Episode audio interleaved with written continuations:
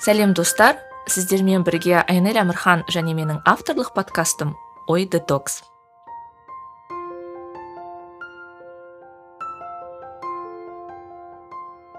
Ой детокс ақпарат ағынында адасып кетпей ой сана тазалығын сақтауға көмектесетін подкаст.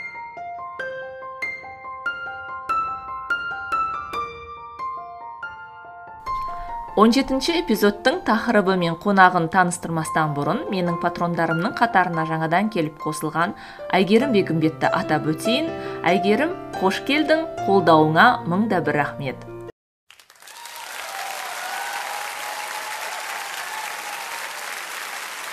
Ой детокстың бүгінгі эпизоды биыл өзекті тақырыптардың бірі қаржы мәселесіне арналады. Себебі пандемия денсаулық пен қауіпсіздік жастықшасының қаншалықты маңызды екендігін баршамызға көрсетіп өткендей әсіресе бізге.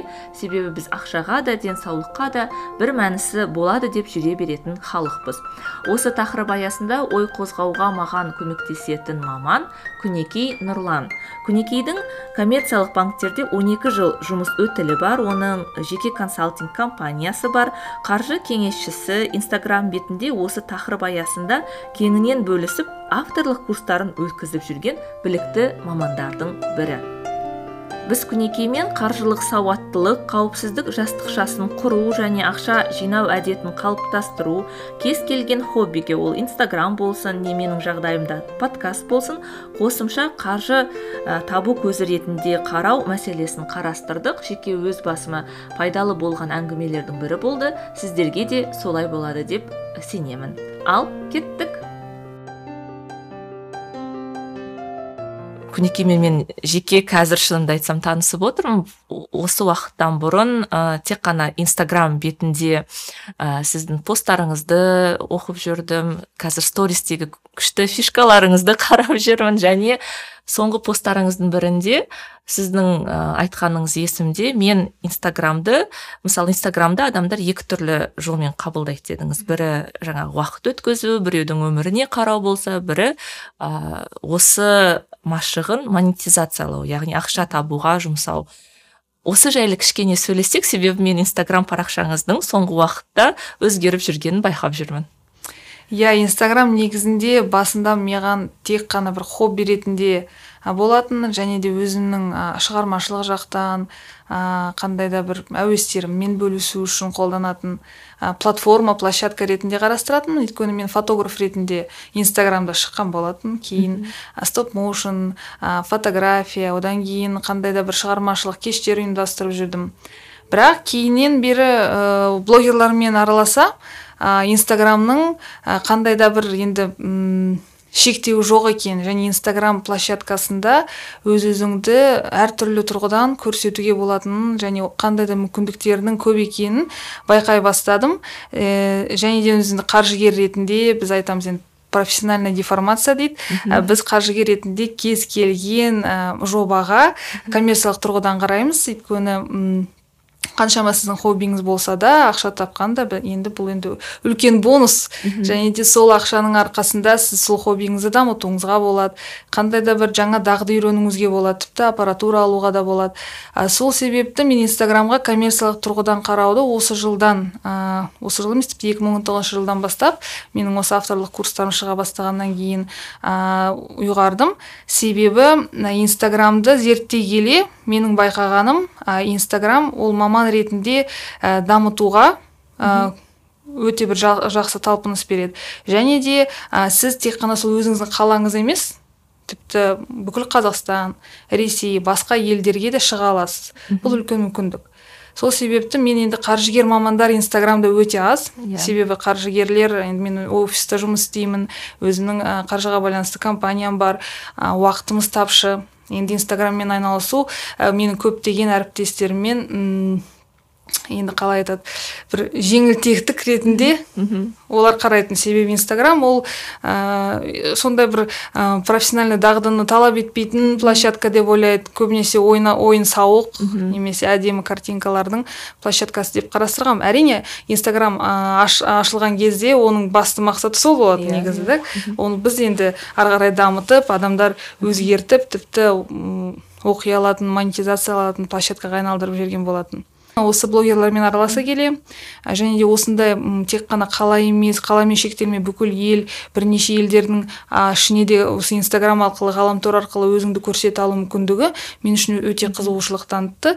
Мен зерттей бастадым. Инстаграмды коммерциялық тұрғыдан қарастырайын деп зерттеу жұмысын бастадым. Және де байқағаным бұл қаржылық кез келген инвестиция қаржылық жобаға қандай біз инструменттер қолдансақ сондай инстаграмға қолданып ақша табуға болатынына көзім жетті.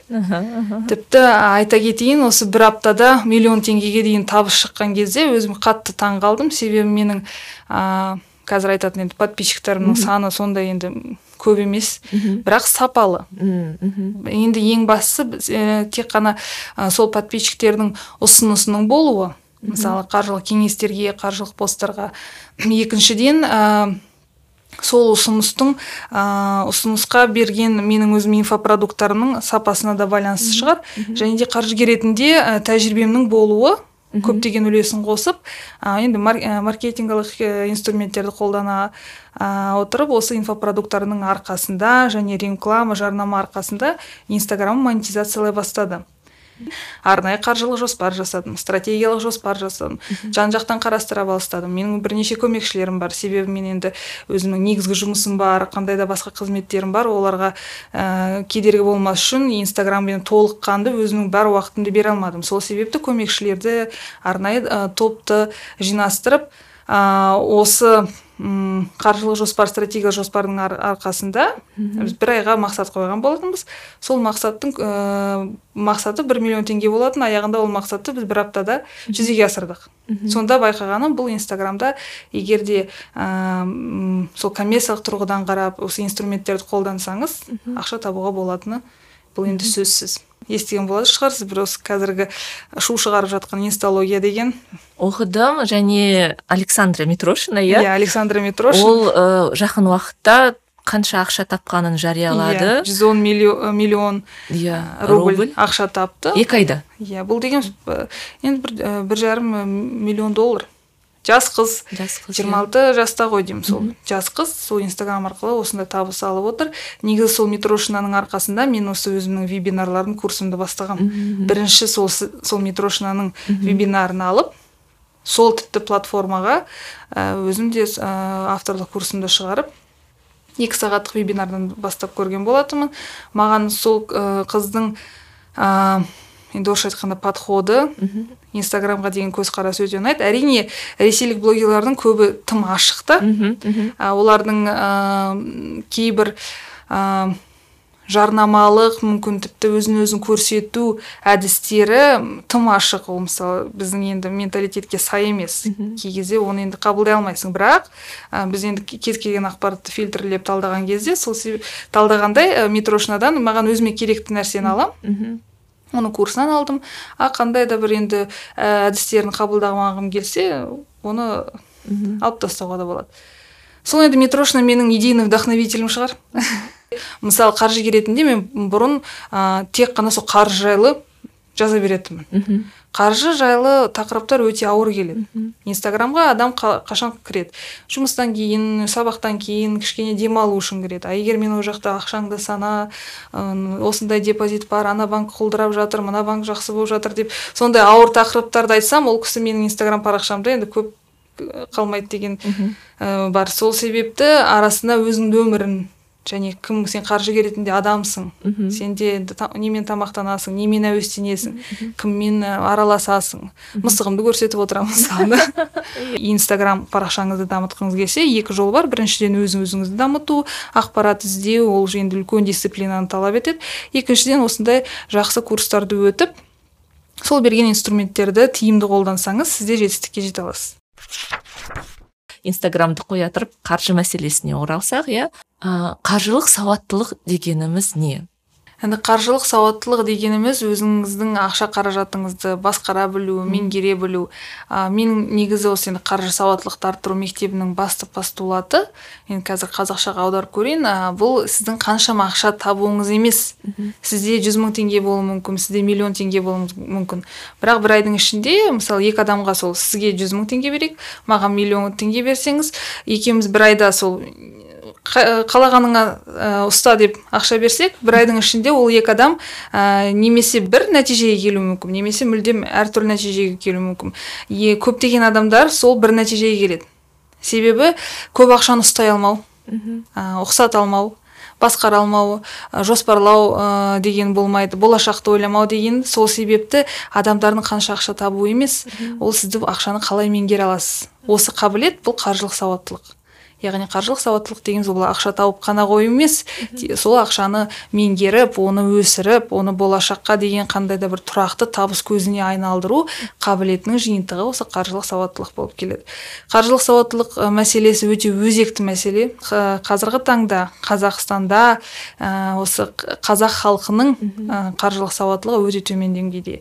Бұл енді қаншама мен өзімнің қызметімді компаниямды осы кеңес беру компаниям блог инстаграм блогымды коммерциялық тұрғыдан қарастырсам да менің де миссиям бар. Бұл менің миссиям енді қазақ халқының сауат, сауатын ашу қаржылық тұрғыдан. Қаржылық сауаттылығын деңгейін өсіру тек қана осы мегаполистер емес алматы астана нұр сұлтан және де басқа да осы региондарда бұл енді мәселе өте күрделі болып келеді.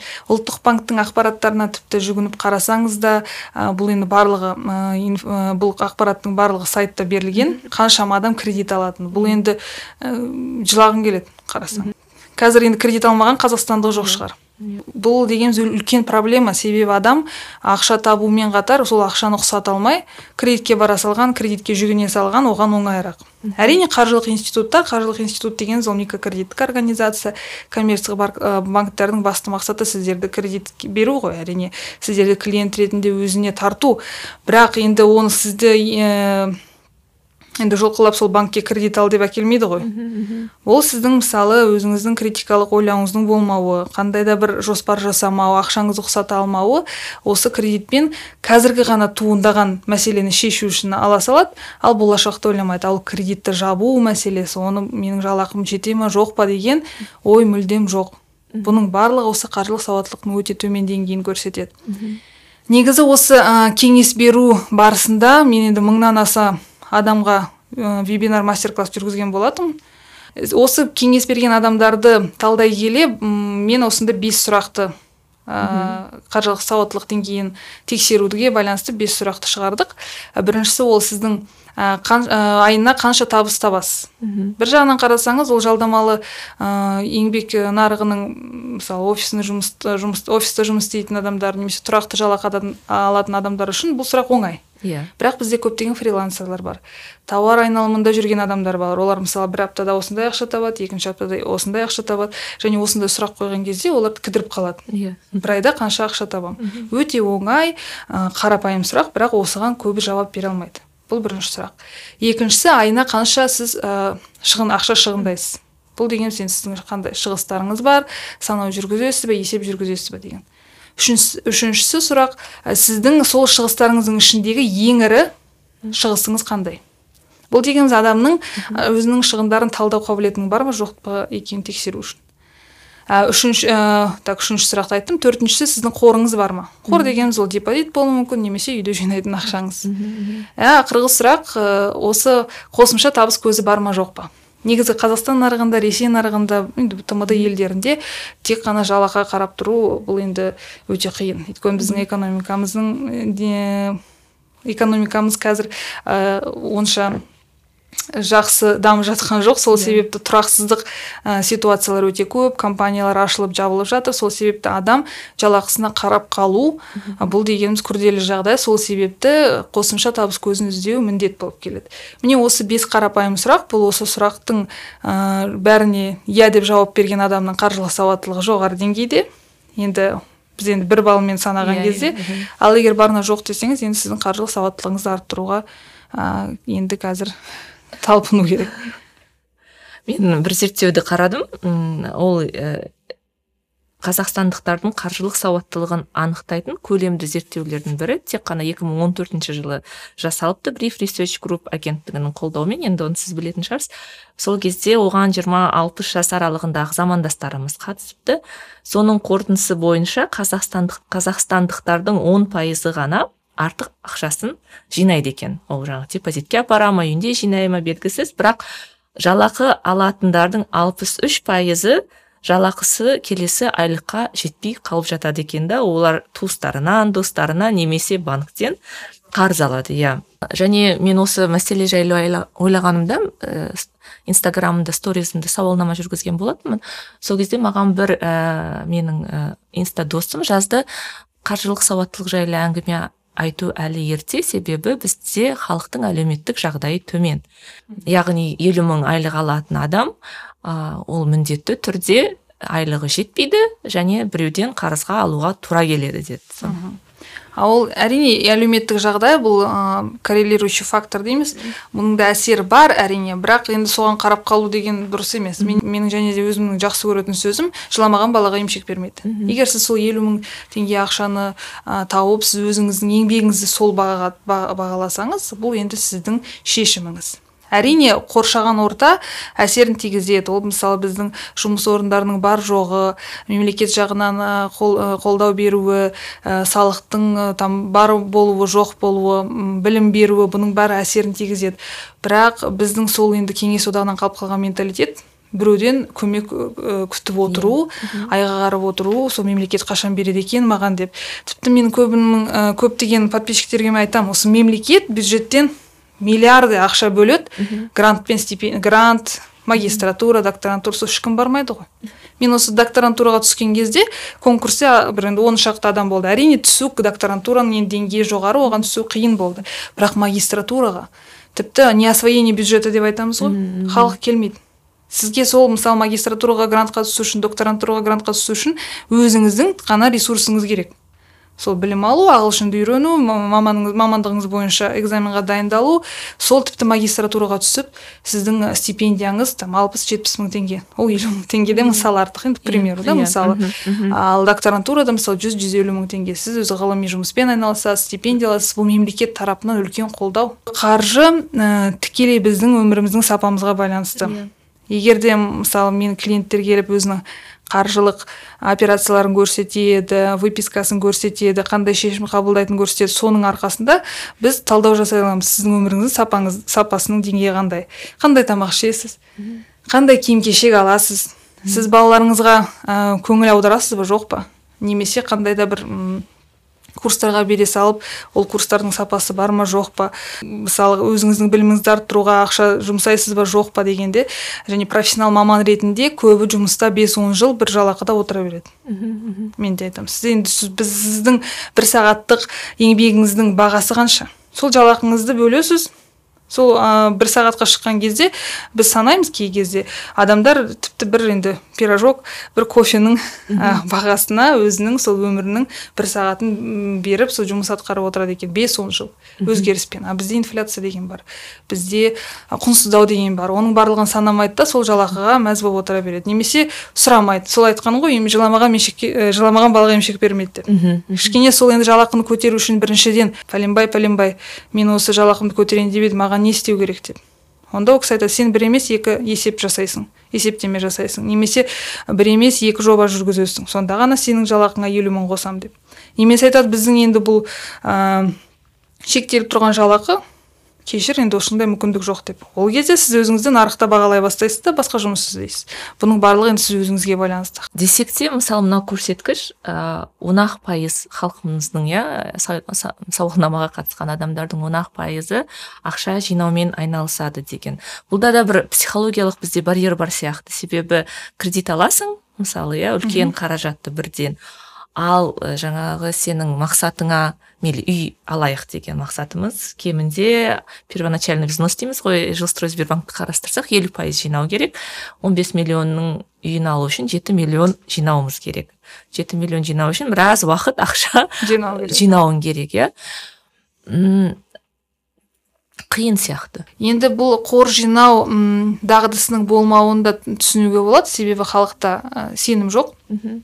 Мемлекетке деген сенім жоқ қаржылық институттарға деген сенім жоқ өмірге деген сенім жоқ болашаққа деген сенім жоқ.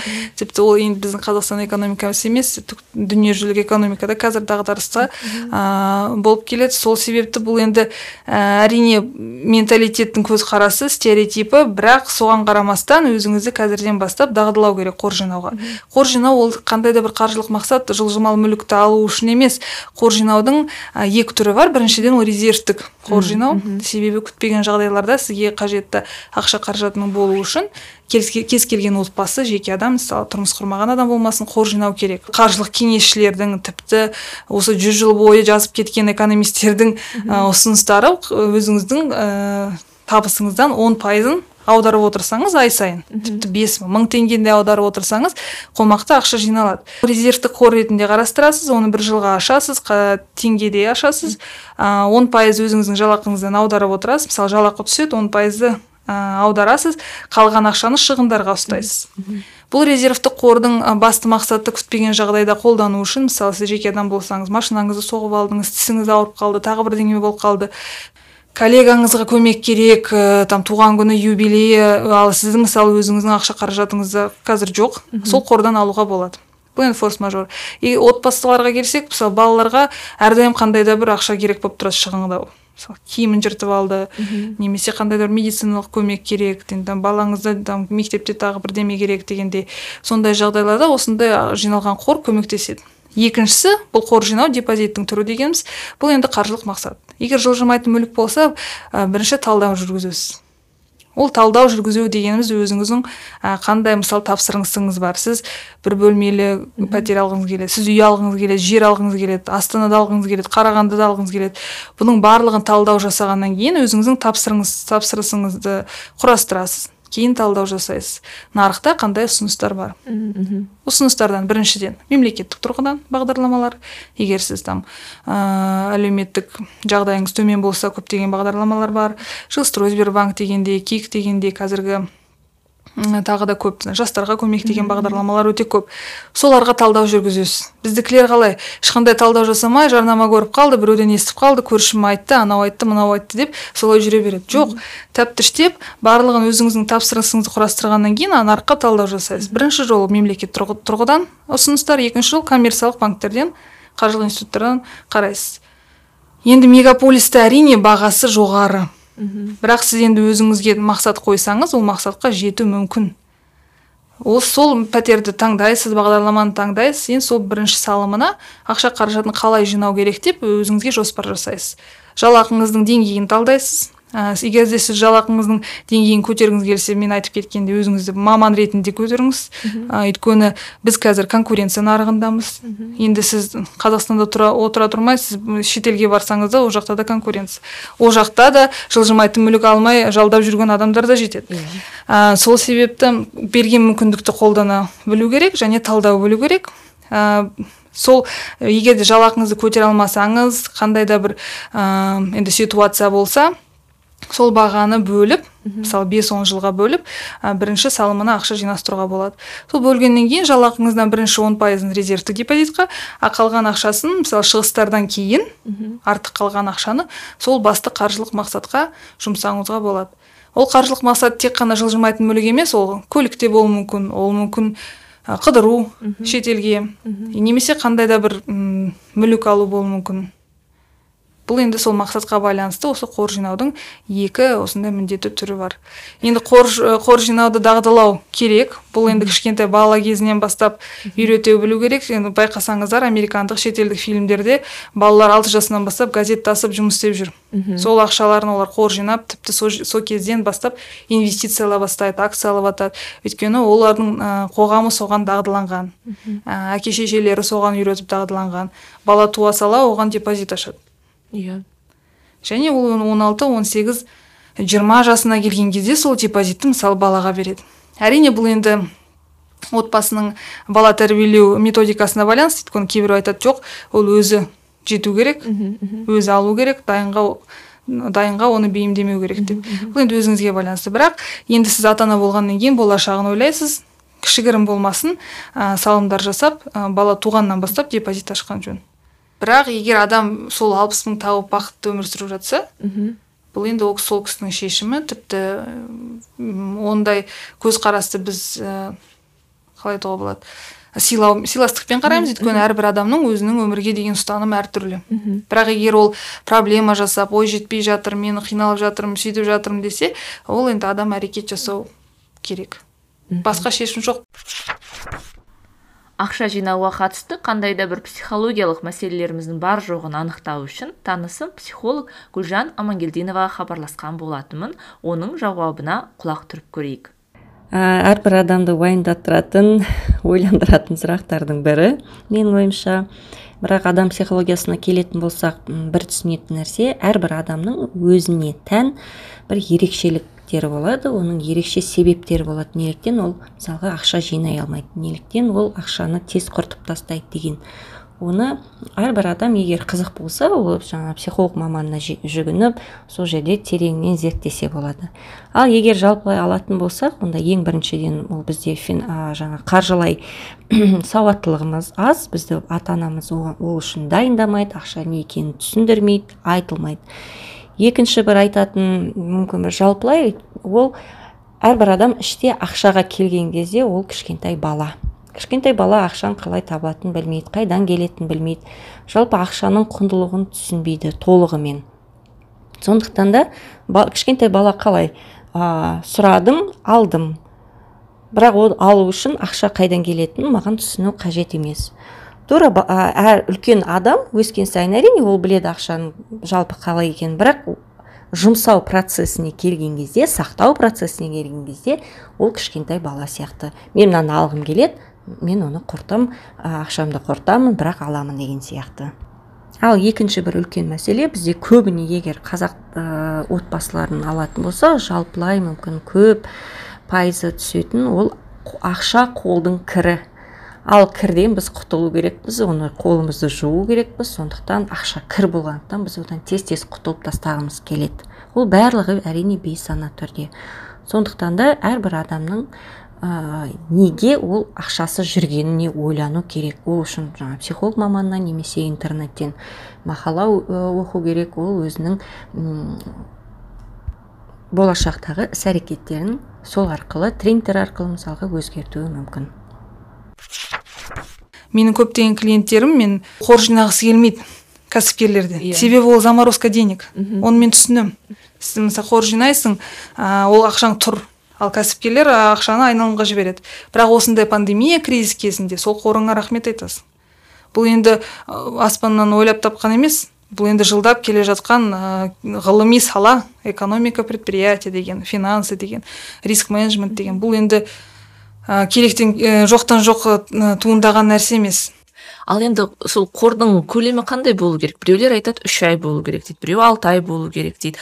Мысалы алты айлық қор айлығыңның көрсеткішіндегі қорды жинасаң оның үстіндегі соманы не істеу керек? Айналдыру керек па? Мен сол айтқаным негізі резервтік депозиттің мерзімі бір жыл. Бір жылға дейін сіз мысалы он пайыздан өзіңіздің табысыңыздан жинап отырасыз. Егер ешқандай енді құдай сақтап ешқандай ә, күтпеген жағдай форс мажор туындамаса ә, ол резервтік соманы қолданбасаңыз сіз оны сіздің екінші депозитіңіз қаржылық мақсатқа арналған депозитке аудара саласыз. Аударған кезде тек қана елу пайызын аударамын себебі қор бізге әлі қажет. Келесі жылы сіз қайтадан бастайсыз сол жинауға. Осы қор қорға қанша пайыз аудару керек? Мысалы кәсіпкер ретінде немесе жеке тұлға ретінде бұның барлығы мен жаңа ұмытып кеттім айтуға. Бірінші сол қаржылық сауаттылықтың бірінші қадамы бұл енді өзіңді өзің бағалау. Кез келген адам өзін өзі ә, қаржылық тұрғыдан бағалау керек. Яғни сіз отбасы ретінде жеке тұлға ретінде қазір нарықта қанша тұрасыз? Өзіңізді қалай бағалауға болады ол үшін актив пен пассивтеріңізді бағалайсыз актив дегеніміз ол бір күнде мысалы ақшаға аударатын көзге енді материальный нематериальный деген бар. Актив дегеніміз сіздің жылжымайтын мүлкіңіз көлігіңіз тіпті мысалы бизнесіңіз болуы мүмкін қандай да бір әшекей бұйымдарыңыз болуы мүмкін. Нематериальный актив сіздің миыңыз сіздің еңбегіңіз сіздің тіпті инстаграм парақшаңызда нематериальный актив болып келеді. Осы активтеріңіз барлығын бағалап жылына жеке тұлға және отбасы мысалы отбасы болса ерлі зайыптылар отырып өзінің отбасына баға жасау керек. Менің барлық клиенттерім осы бағалаудан бастайды. Отырасыз да өзіңіздің активтеріңізді бағалайсыз. Мысалы 15 миллион. Енді пассивтеріңізді бағалайсыз. Қандай кредиттеріңіз бар ипотекаңыз бар? Айлық өзіңіздің шығыстарыңыз қандай? Сол шығыстарыңыз айлық. Сіз сол ақшасыз өмір сүре алмайтын сома болу керек. Сол тамағыңыз киіміңіз там көлігіңіз ә, тағы да басқасы. Пассивтеріңізді бағалайсыз активтеріңізді бағалайсыз. Екеуінің айырмашылығы сіздің капиталыңыз. Бұл человеческий капитал сіздің бағаңыз. Сол капиталыңыз егер сізде оң болса бұл енді жақсы жағдай. Өйткені күтпеген жағдайда сіздің активтеріңіз сіздің пассивтеріңізді жауып міндеттемелеріңізді жауып кредитіңізді жауып сіз енді өмір сүре аласыз. А егер ол теріс болса бұл дегеніміз сіздің міндеттемелеріңіз көп кредиттеріңіз көп ә, ә, ипотекаңыз мысалы там көп айт, көлікті алып жатады кредитке. А көліктің бағасы активті біз бағалаған кезде мысалы 9 миллион тұрады а кредитті төлеу керек әлі 15 миллион. Yeah. бұл дегеніміз енді бұл ә, дұрыс қаржылық шешім емес сол капиталыңыз теріс болып келеді. Осы бағалаудан кейін екінші қадам есептеу. Көбі сол ерінеді. Ой есептегім келмейді қанша ақша табам қанша шығындайын деп. А есепсіз өмір жоқ. Бұл дегеніміз ә, есеп двойная запись учет ә, қазір бухгалтериясыз ешқандай бизнес жүре алмайды. Есеп деген бұл өте маңызды бұл қаржылық сауаттылықтағы ең күрделі бөлім. Сол себепті өзіңіздің кіріс пен шығыстарыңызды есептеу керек бұл дағдыны үйрету керек өзіңізге бала шағаңызға. Тіпті егер де мүлдем сол дағыңыз болмаса есептегіңіз келмесе төлеп сол қаржылық ә, консультантты алып жалдап сізге санап берсін. Енді вебинарларға әйел адамдар келеді мысалы сіз тамақ дайындаудың алдында қазаныңызды жуып аласыз ғой. Иә.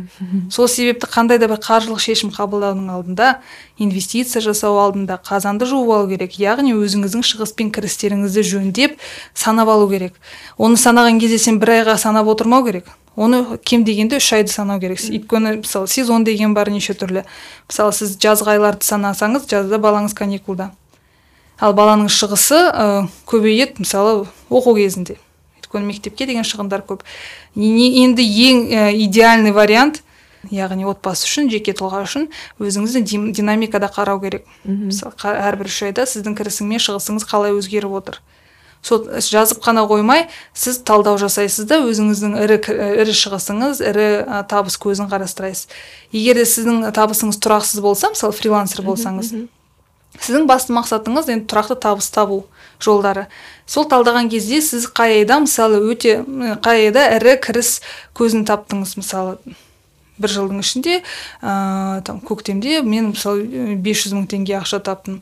Енді сол 500 мың теңге неге қайталанбады? Оны қайталау үшін не, не істеу керек? Соған талдаудың арқылында арқасында көңіліңізді аударып ары қарай түпкілікті қарастыру керек.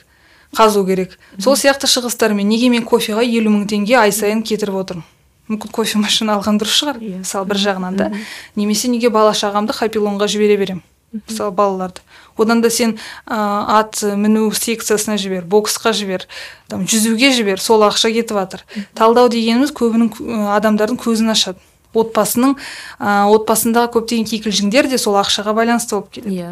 Ерлі зайыптылар өзінің есебін жүргізе талдамай ер адам айтады мен қаншама терлеп тепшіп ақша табамын а сен ұқсата алмайсың деп а, енді біздің менталитетке ә, жүгінсек әйел адам көбінесе қаржылық директор ретінде yeah. Иә. роль атқарады yeah. Иә. өйткені ер адам ақша табады әйел адам ұқсатып отырады оны қор жинастырады сол себепті мүмкін менің вебинарларыма мастер класстарыма әйелдер келетін шығар екі, екі жақта бірге отырып талдап өзінің отбасын бағаласа қара біздің отбасымыз осындай баға екен біздің міндеттемелеріміз көбейіп бара жатыр бұған бірдеме істеу керек деген шешім қабылдайсыз. Одан кейін өзіңіздің кіріс пен шығыстарыңызды талдап отырасыз да түсінесіз. Мына жерде шығыстарды мүмкін азайту керек шығар оны қорға жинаған жөн шығар. Сонда біз кредит алмай турцияға мысалы демалуға бара аламыз дегенде ой туындауы мүмкін. Немесе жоқ бұл шығыстар маған қажет бұл сіз мен өзім өмірімді жаман сезінемін мысалы комфортная зона дейді. Онда кіріс табысын кірісті және де басқа табыс көзін іздестіру керек те ұлғайту керек. Міне осы қадамдар біріншіден бағалау жеке тұлғаны отбасыны бағалау. Екіншіден кіріс пен шығысты есептеу. Есептеп қана қоймай талдау жасау. Талдау жасағаннан кейін ғана сіз айта аласыз. Аха менің осы шығыстарыма қарағанда мен он пайызды қорға жинай аламын екен. Және де қаржылық мақсатқа жинай аламын немесе мен бес пайыз ғана жинай аламын. Өйткені маған қиын. Немесе елу пайыз. Кіріс шығыс бюджетін жасауда отбасылық бюджет пен жеке бюджеттің айырмашылығы бар ма? Екеуіне бөлек жасау керек па? Немесе екеуін біріктіріп жасау керек па? Жалпы семейный бюджетіміз ортақ болу керек па бөлек болу керек па? Мен енді жеке тұлғаның бюджеті деп айтқаным ол тұрмыс құрмағандарға айтқан болатынмын. Бірақ өзім негізі ә, отбасылық бюджетті бірге жүргізу деп санаймын. А жеке бюджет дегеніміз ол тұрмыс құрмағандарға. Ал тұрмыс құрғандарға бюджетті бірге жүргізу керек. Әрине енді шетелдік ә, көптеген дамыған елдерде там жеке бюджет жүргізеді там әйел мен ер адамның арасында ә, теңдік деген сияқты бар. біздің менталитетіміз ондайға дайын емес. Және де қарым қатынастарды жақсарту мақсатында мүмкін енді өзім отбасы құрған адаммын және де менің кеңесші ретінде алдыма көп отбасылар келеді. Ер адамдар ұялады келуге. Иә. Мысалы ер адамдар өзінің әйелінен көптеген қаржылық проблемаларды айтпайды. Бұның барлығы өте күрделі нәтижеге әкеледі. Сол себепті отбасылық бюджетті бірге жүргізген жөн. Бірге отырып талқылау керек кіріс шығыс табысын бірге талқылау керек. Әйел адам ер адамға ә, потребительский қарамау керек. Сіз партнер ретінде сіз бір отбасыда сіз ол сіз жүкті адамыңыз сіз ол ә, еңбек ететін ешкі емес қой. Өйткені біздің көзқарасымыз о ер адам менің ә, күйеуім ақша табу керек мен үйде отырамын тамақ істеймін сөйтемін бүйтемін болды ал мысалы ол ә, күйеуінің қандай да бір қаржылық проблемалары туындауы мүмкін жұмысынан айырылып, қал, айырылып қалуы мүмкін. Кейбір ер адамдар келеді кеңеске айтады менің әйелімнен қорқамын айтуға жұмыстан айырылып қалдым деп. Сол себепті кредит алдым дейді. Ә, айтпай осындай кейін күрдел, күрделеніп одан ажырасып жатады. Бұның қажеті жоқ әрине. Сол себепті менің ұстанымым отбасылық бюджетті бірге жүру керек. Бір біріңе деген көзқарасың ашық болу керек. Ә, шынайы болу керек. Қаржылық мақсатты бірге қою керек. Екі партнердің де ұсынысын екі партнердің тапсырыстарын барлығын ескеру керек және бала шағаны ойлау керек. Көп нәрсенің басын шалдық. Меніңше пайдалы ақпараттар көп болған сияқты. Біздің тыңдармандарға ә, кем дегенде ә, қаржы сауаттылық мәселесіне басқаша көзбен қарауға көмектеседі деп ойлаймын. Егер ә, жаңағы біз басында екеуміз әңгімелескен инстаграм жайлы оралатын болсақ иә мысалы инстаграмда монетизациялау деген нәрсе бар. Мен ә, мысалы подкастты хобби ретінде қараймын. Ә, уақытымды бөлемін. Міне қазір студияға келіп отырмын студияның ақшасын төлеймін. Кейде дауысын өзім жөнді өңдей алмай жатсам ә, дауысын өңдеп беретін адамға қосымша яғни бұл маған қазір тек қана шығыс. иә? Қалай айтсам болады морально удовлетворение аламын да бірақ финансово ол ә, қандай да бір ә, шығындарға қаржылық шығындарға алып келеді. Бұл ретте менің өз продуктыма өзіме деген көзқарасымның дұрыс еместігі ма? Себебі мен өзге әріптестеріме қараймын жаңағы инстаграм арқылы. Олар курс сатып жатады подкаст қалай жасауға болады олар интеграция жасап жатады көптеген брендтермен немесе ыыы жарнама алып жатады. Мысалы мен патреон аштым.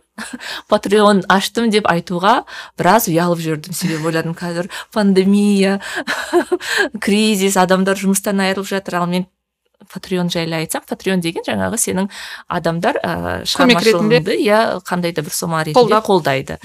Мысалы ұялып жүрдім. Бұл да менің қандай да бір психологиялық барьерім ба немесе өзімнің уақытыма деген дұрыс емес қарауым ба? Енді бұл психология тұрғыдан әрине баға бере алмаймын бірақ ә, көзқарасыңыз әрине сіз бұны хобби ретінде қарастырған шығарсыз. Бірақ коммерциялық көзқараспен қарауы басқа әріптестеріңіздің себебі әріптестеріңіз қаржылық кеңес алды. Қаржылық кеңестің арқасында олардың көзқарасы өзгерді. Тіпті қазіргі подкасттың аясында мен сізге де кеңес бере аламын. Сіздің подкастыңыздың потенциалы зор. Себебі біріншіден қазақша. Екіншіден сіз қаржыландыруды міндетті түрде ойлауыңыз керек. Себебі өзіңіздің уақытыңызды бағалау бұл өте маңызды уақыт дегеніміз өмірдегі ең бағалы нәрсе. Оның тіпті бағасы да жоқ. Бесценная вещь біздің уақытымыз. Сол себепті өзіңізге қаржылық жоспар жасау керек. Менің осы подкастты жүргізудегі шығындарым қандай? Яғни айына мен екі рет студия жалдаймын менің көлігім бар тамағым бар звукорежиссерім бар. Тіпті кейбір блогерлар мүмкін ақылы келуі мүмкін кім біледі? Неше түрлі жағдайлар бар.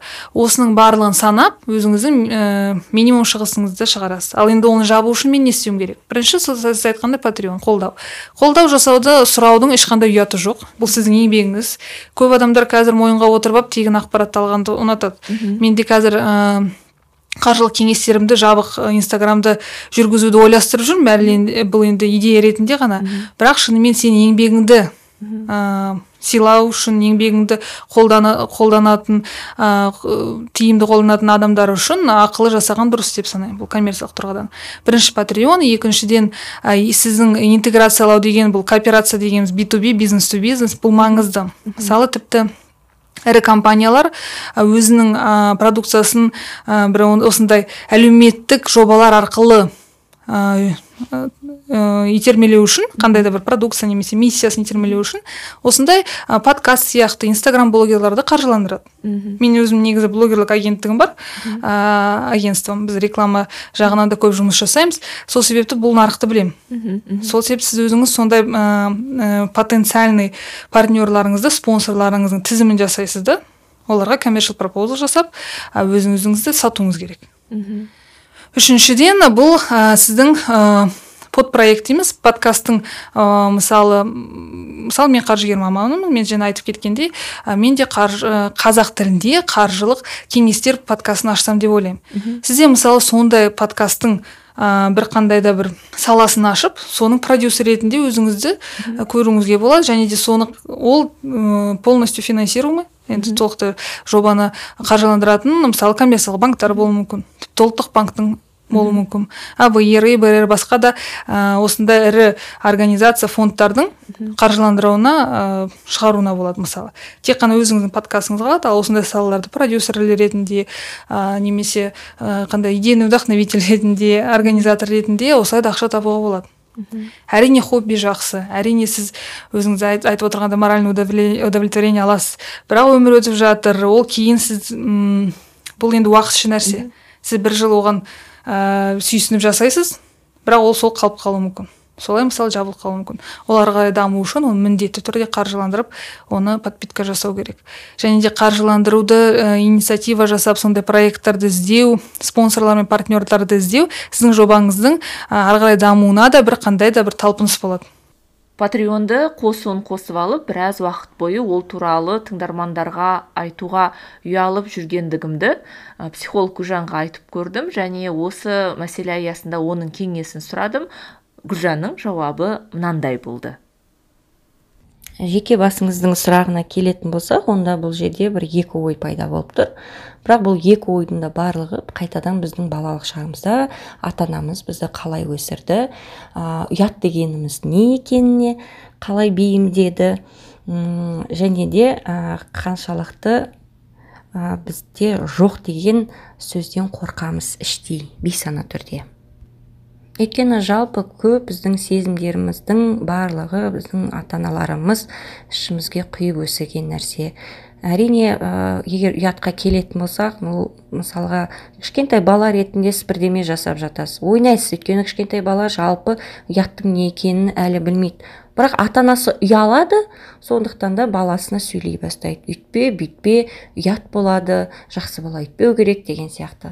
Сонымен уақытымен әрине бала ұялшақ болып өседі. Да өзінің ішкі жаңағы сезімдерін толығымен айта алмайды өзіне керек нәрселерін де сұрай алмайды. Ал екінші мәселе ол қорқыныш жоқ деп айтады деген сөзден біз қорқып тұрамыз. Өйткені кішкентай кезімізде қайтадан бізді қызықтыратын ұнататын нәрселерімізге біз көбіне үлкендерден жоқ жоқ жоқ деген жауап алғанбыз. Сондықтан да мені қызықтыратын нәрсе мүмкін басқаларды қызықтырмайды. Сондықтан да мен сұрауға ұяламын. Немесе керісінше ата анамыз үйтпе оны сұрама ол ұят болады. Ол кісіден сұрама ол ұят болады. Бітті. Онда бала осы кішкентай кезінде алған ә, бізде жаңа установка деп айтып жатады.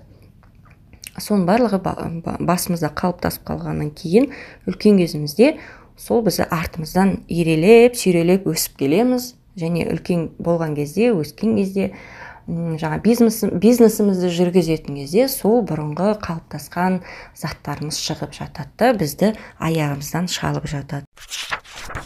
Қонағым менің күнекейдің берген кеңестерін міндетті түрде жазып алыңыздар немесе қандай да бір іске асыруға талпынысыңыздар. Және өмірлеріңізде осы кеңестер арқылы қандай да бір өзгерістер болса міндетті түрде маған инстаграм парақшама немесе менің ә, подкастым жарияланған парақшалардағы электрондық поштама жіберіңіздер. Маған да қызық себебі мен де бүгіннен бастап подкастымды монетизациялау бойынша қандай да бір қадамдар жасауға талпыныс жасаймын.